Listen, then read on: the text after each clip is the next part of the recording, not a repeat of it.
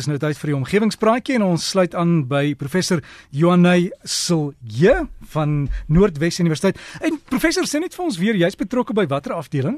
Môre Derek, ek is by stad en streeksbeplanning. En vandag praat ons oor is dit slim beplanning om veilig te wees? Ja, die die mooi woord is misdaadvoorkoming deur omgewingsontwerp. Mhm. Mm maar Derek, ja, so ek wil vanoggend eintlik aanhaak waar ons verlede week geëindig het. Um, ons het gesels oor ligbesoedeling wat die onvanpaste of die oormatige gebruik van kunsmatige lig is en hoe dit die omgewing nadelig impakteer en dat elkeen van ons 'n bydrae kan maak om hierdie ernstige omgewingskwessie aan te spreek. Maar Derek, jy het um, na veiligheid verwys en dat dit die rede is dat baie van ons juis nags ligte rondom ons huise verkies. En daar was ook heelwat reaksie op Facebook waar die luisteraars geskryf het dat veiligheid hulle eerste prioriteit is. Nou ek stem heeltemal saam daarmee veral in die lig van die misdaadstatistiek van Suid-Afrika wat onlangs deur ons polisie diens vrygestel is en wat wys dat in die afgelope jaar meer as 22000 voorvalle van huisroof aangeteken is. So dit beteken 'n gemiddeld van 612 voorvalle elke dag. En dit eintlik dan net logies dat ons almal sou probeer om ons persoonlike veiligheid op te skerp en soveel te meer ook nou in die vakansietyd. Maar wat ek graag wil duidelik maak, is dat ons nooit hoef te kies tussen ons eie veiligheid en omgewingsbewustheid nie. Die twee kan hand aan hand loop. Nou dis waar die konsep misdaadvoorkoming deur omgewingsontwerp onlangs 'n baie kardinale rol in terme van stads- en streeksbeplanning begin speel het. En die konsep is oorspronklik geformuleer deur 'n kriminoloog van Florida State um, Universiteit genaamd Ray Jeffrey en hy het na die gedragspatrone van kriminele gekyk En hy het gevind dat die fisiese omgewing hierdie gedragspatrone van 'n potensiële oortreder kan beïnvloed. So die ontwerp van die omgewing kan dus nou die veiligheid daarvan verhoog of verlaag. Maar wat verder belangrik is om te verstaan is dat veiligheid en die persepsie van veiligheid is nie noodwendig dieselfde ding nie. So dit wat ons dink veilig is, is dalk nie regtig veilig nie en daar waar ons dalk onveilig voel, is nie noodwendig onveilig nie.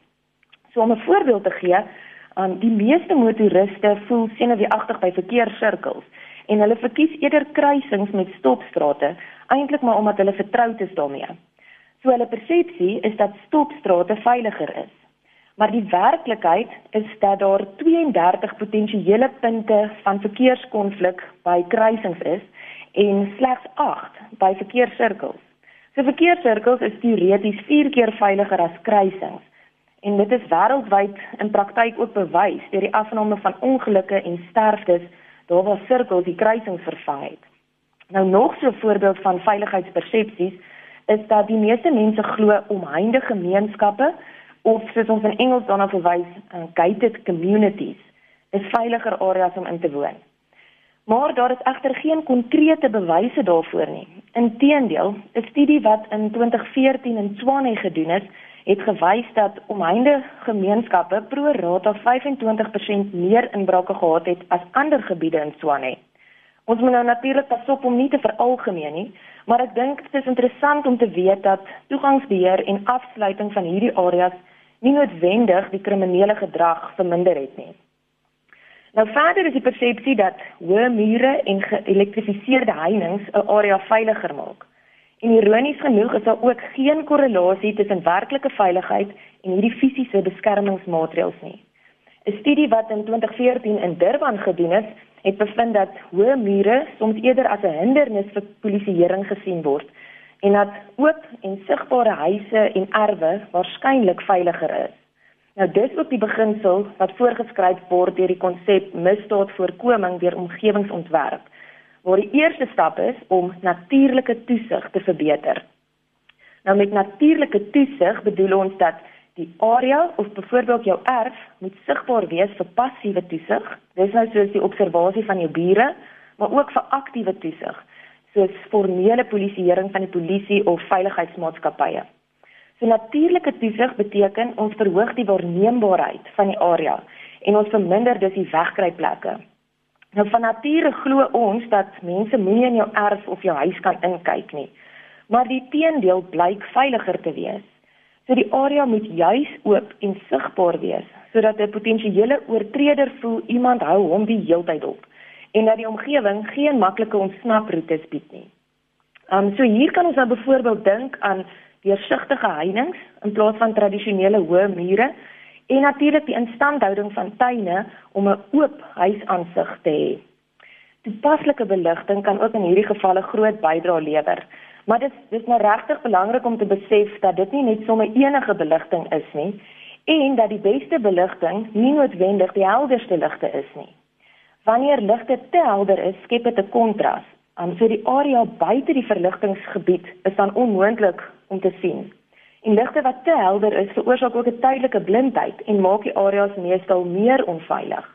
So ons moet dus goed nadink oor toepaslike beligting. Ou straatligte het byvoorbeeld hoë druk natrium of kooklampe gehad wat lig 360 grade reg rondom die straatlig gereflekteer het. En alhoewel dit lig gemaak het, het dit nie werklik lig, het dit nie werklik die die straatoppervlakte verlig nie. Um baie van die tradisionele buiteligte wat ons by ons huise aanbring is natuurlik ook so. Dit skyn ter wille van skyn, maar dit is oneffektief in terme van veiligheid omdat dit nie 'n spesifieke area teiken nie. So die riglyne vir slim beligting wys dat lig slegs afwaarts moet skyn na die presiese area waar lig benodig word. Dis hoekom die nuwer straatligte is deesdae so ontwerp dat dit 'n lens bo op die lig. So eerstens help dit die lens om die lig beter afwaarts te kanaliseer en tweedens um, blokkeer dit dat die lig nie opwaarts kan skyn nie. So slim beligting verlig die grond en nie die naghemel nie. Jy hoef dus nie te kies tussen die veiligheid en omgewingsbewustheid nie. Jy kan 'n veiliger omgewing skep deur slim en slimvolle ontwerpe wat die sigbaarheid verbeter. Jy kan ook gerus gaan kyk op ons omgewingspraatjie Facebookblad vir voorbeelde hiervan of as as iemand verder of meer inligting wil weet, kan jy vir my e-pos stuur na omgewingspraatjies@gmail.com.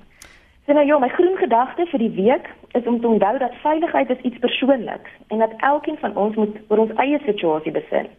Maar effektiewe omgewingsontwerp wat sigbaarheid verbeter, kan ons help om nie net veiliger te voel nie, maar werklik veiliger te wees. So gesels ons dan met professor Johan Neyselje van Noordwes Universiteit en die e-posadres as jy met hom wil kontak maak is omgewingspraatjies die meervoud by gmail.com. Omgewingspraatjies by gmail.com en dan ook op Facebook gaan loer daar veral nou oor die ligte en goed.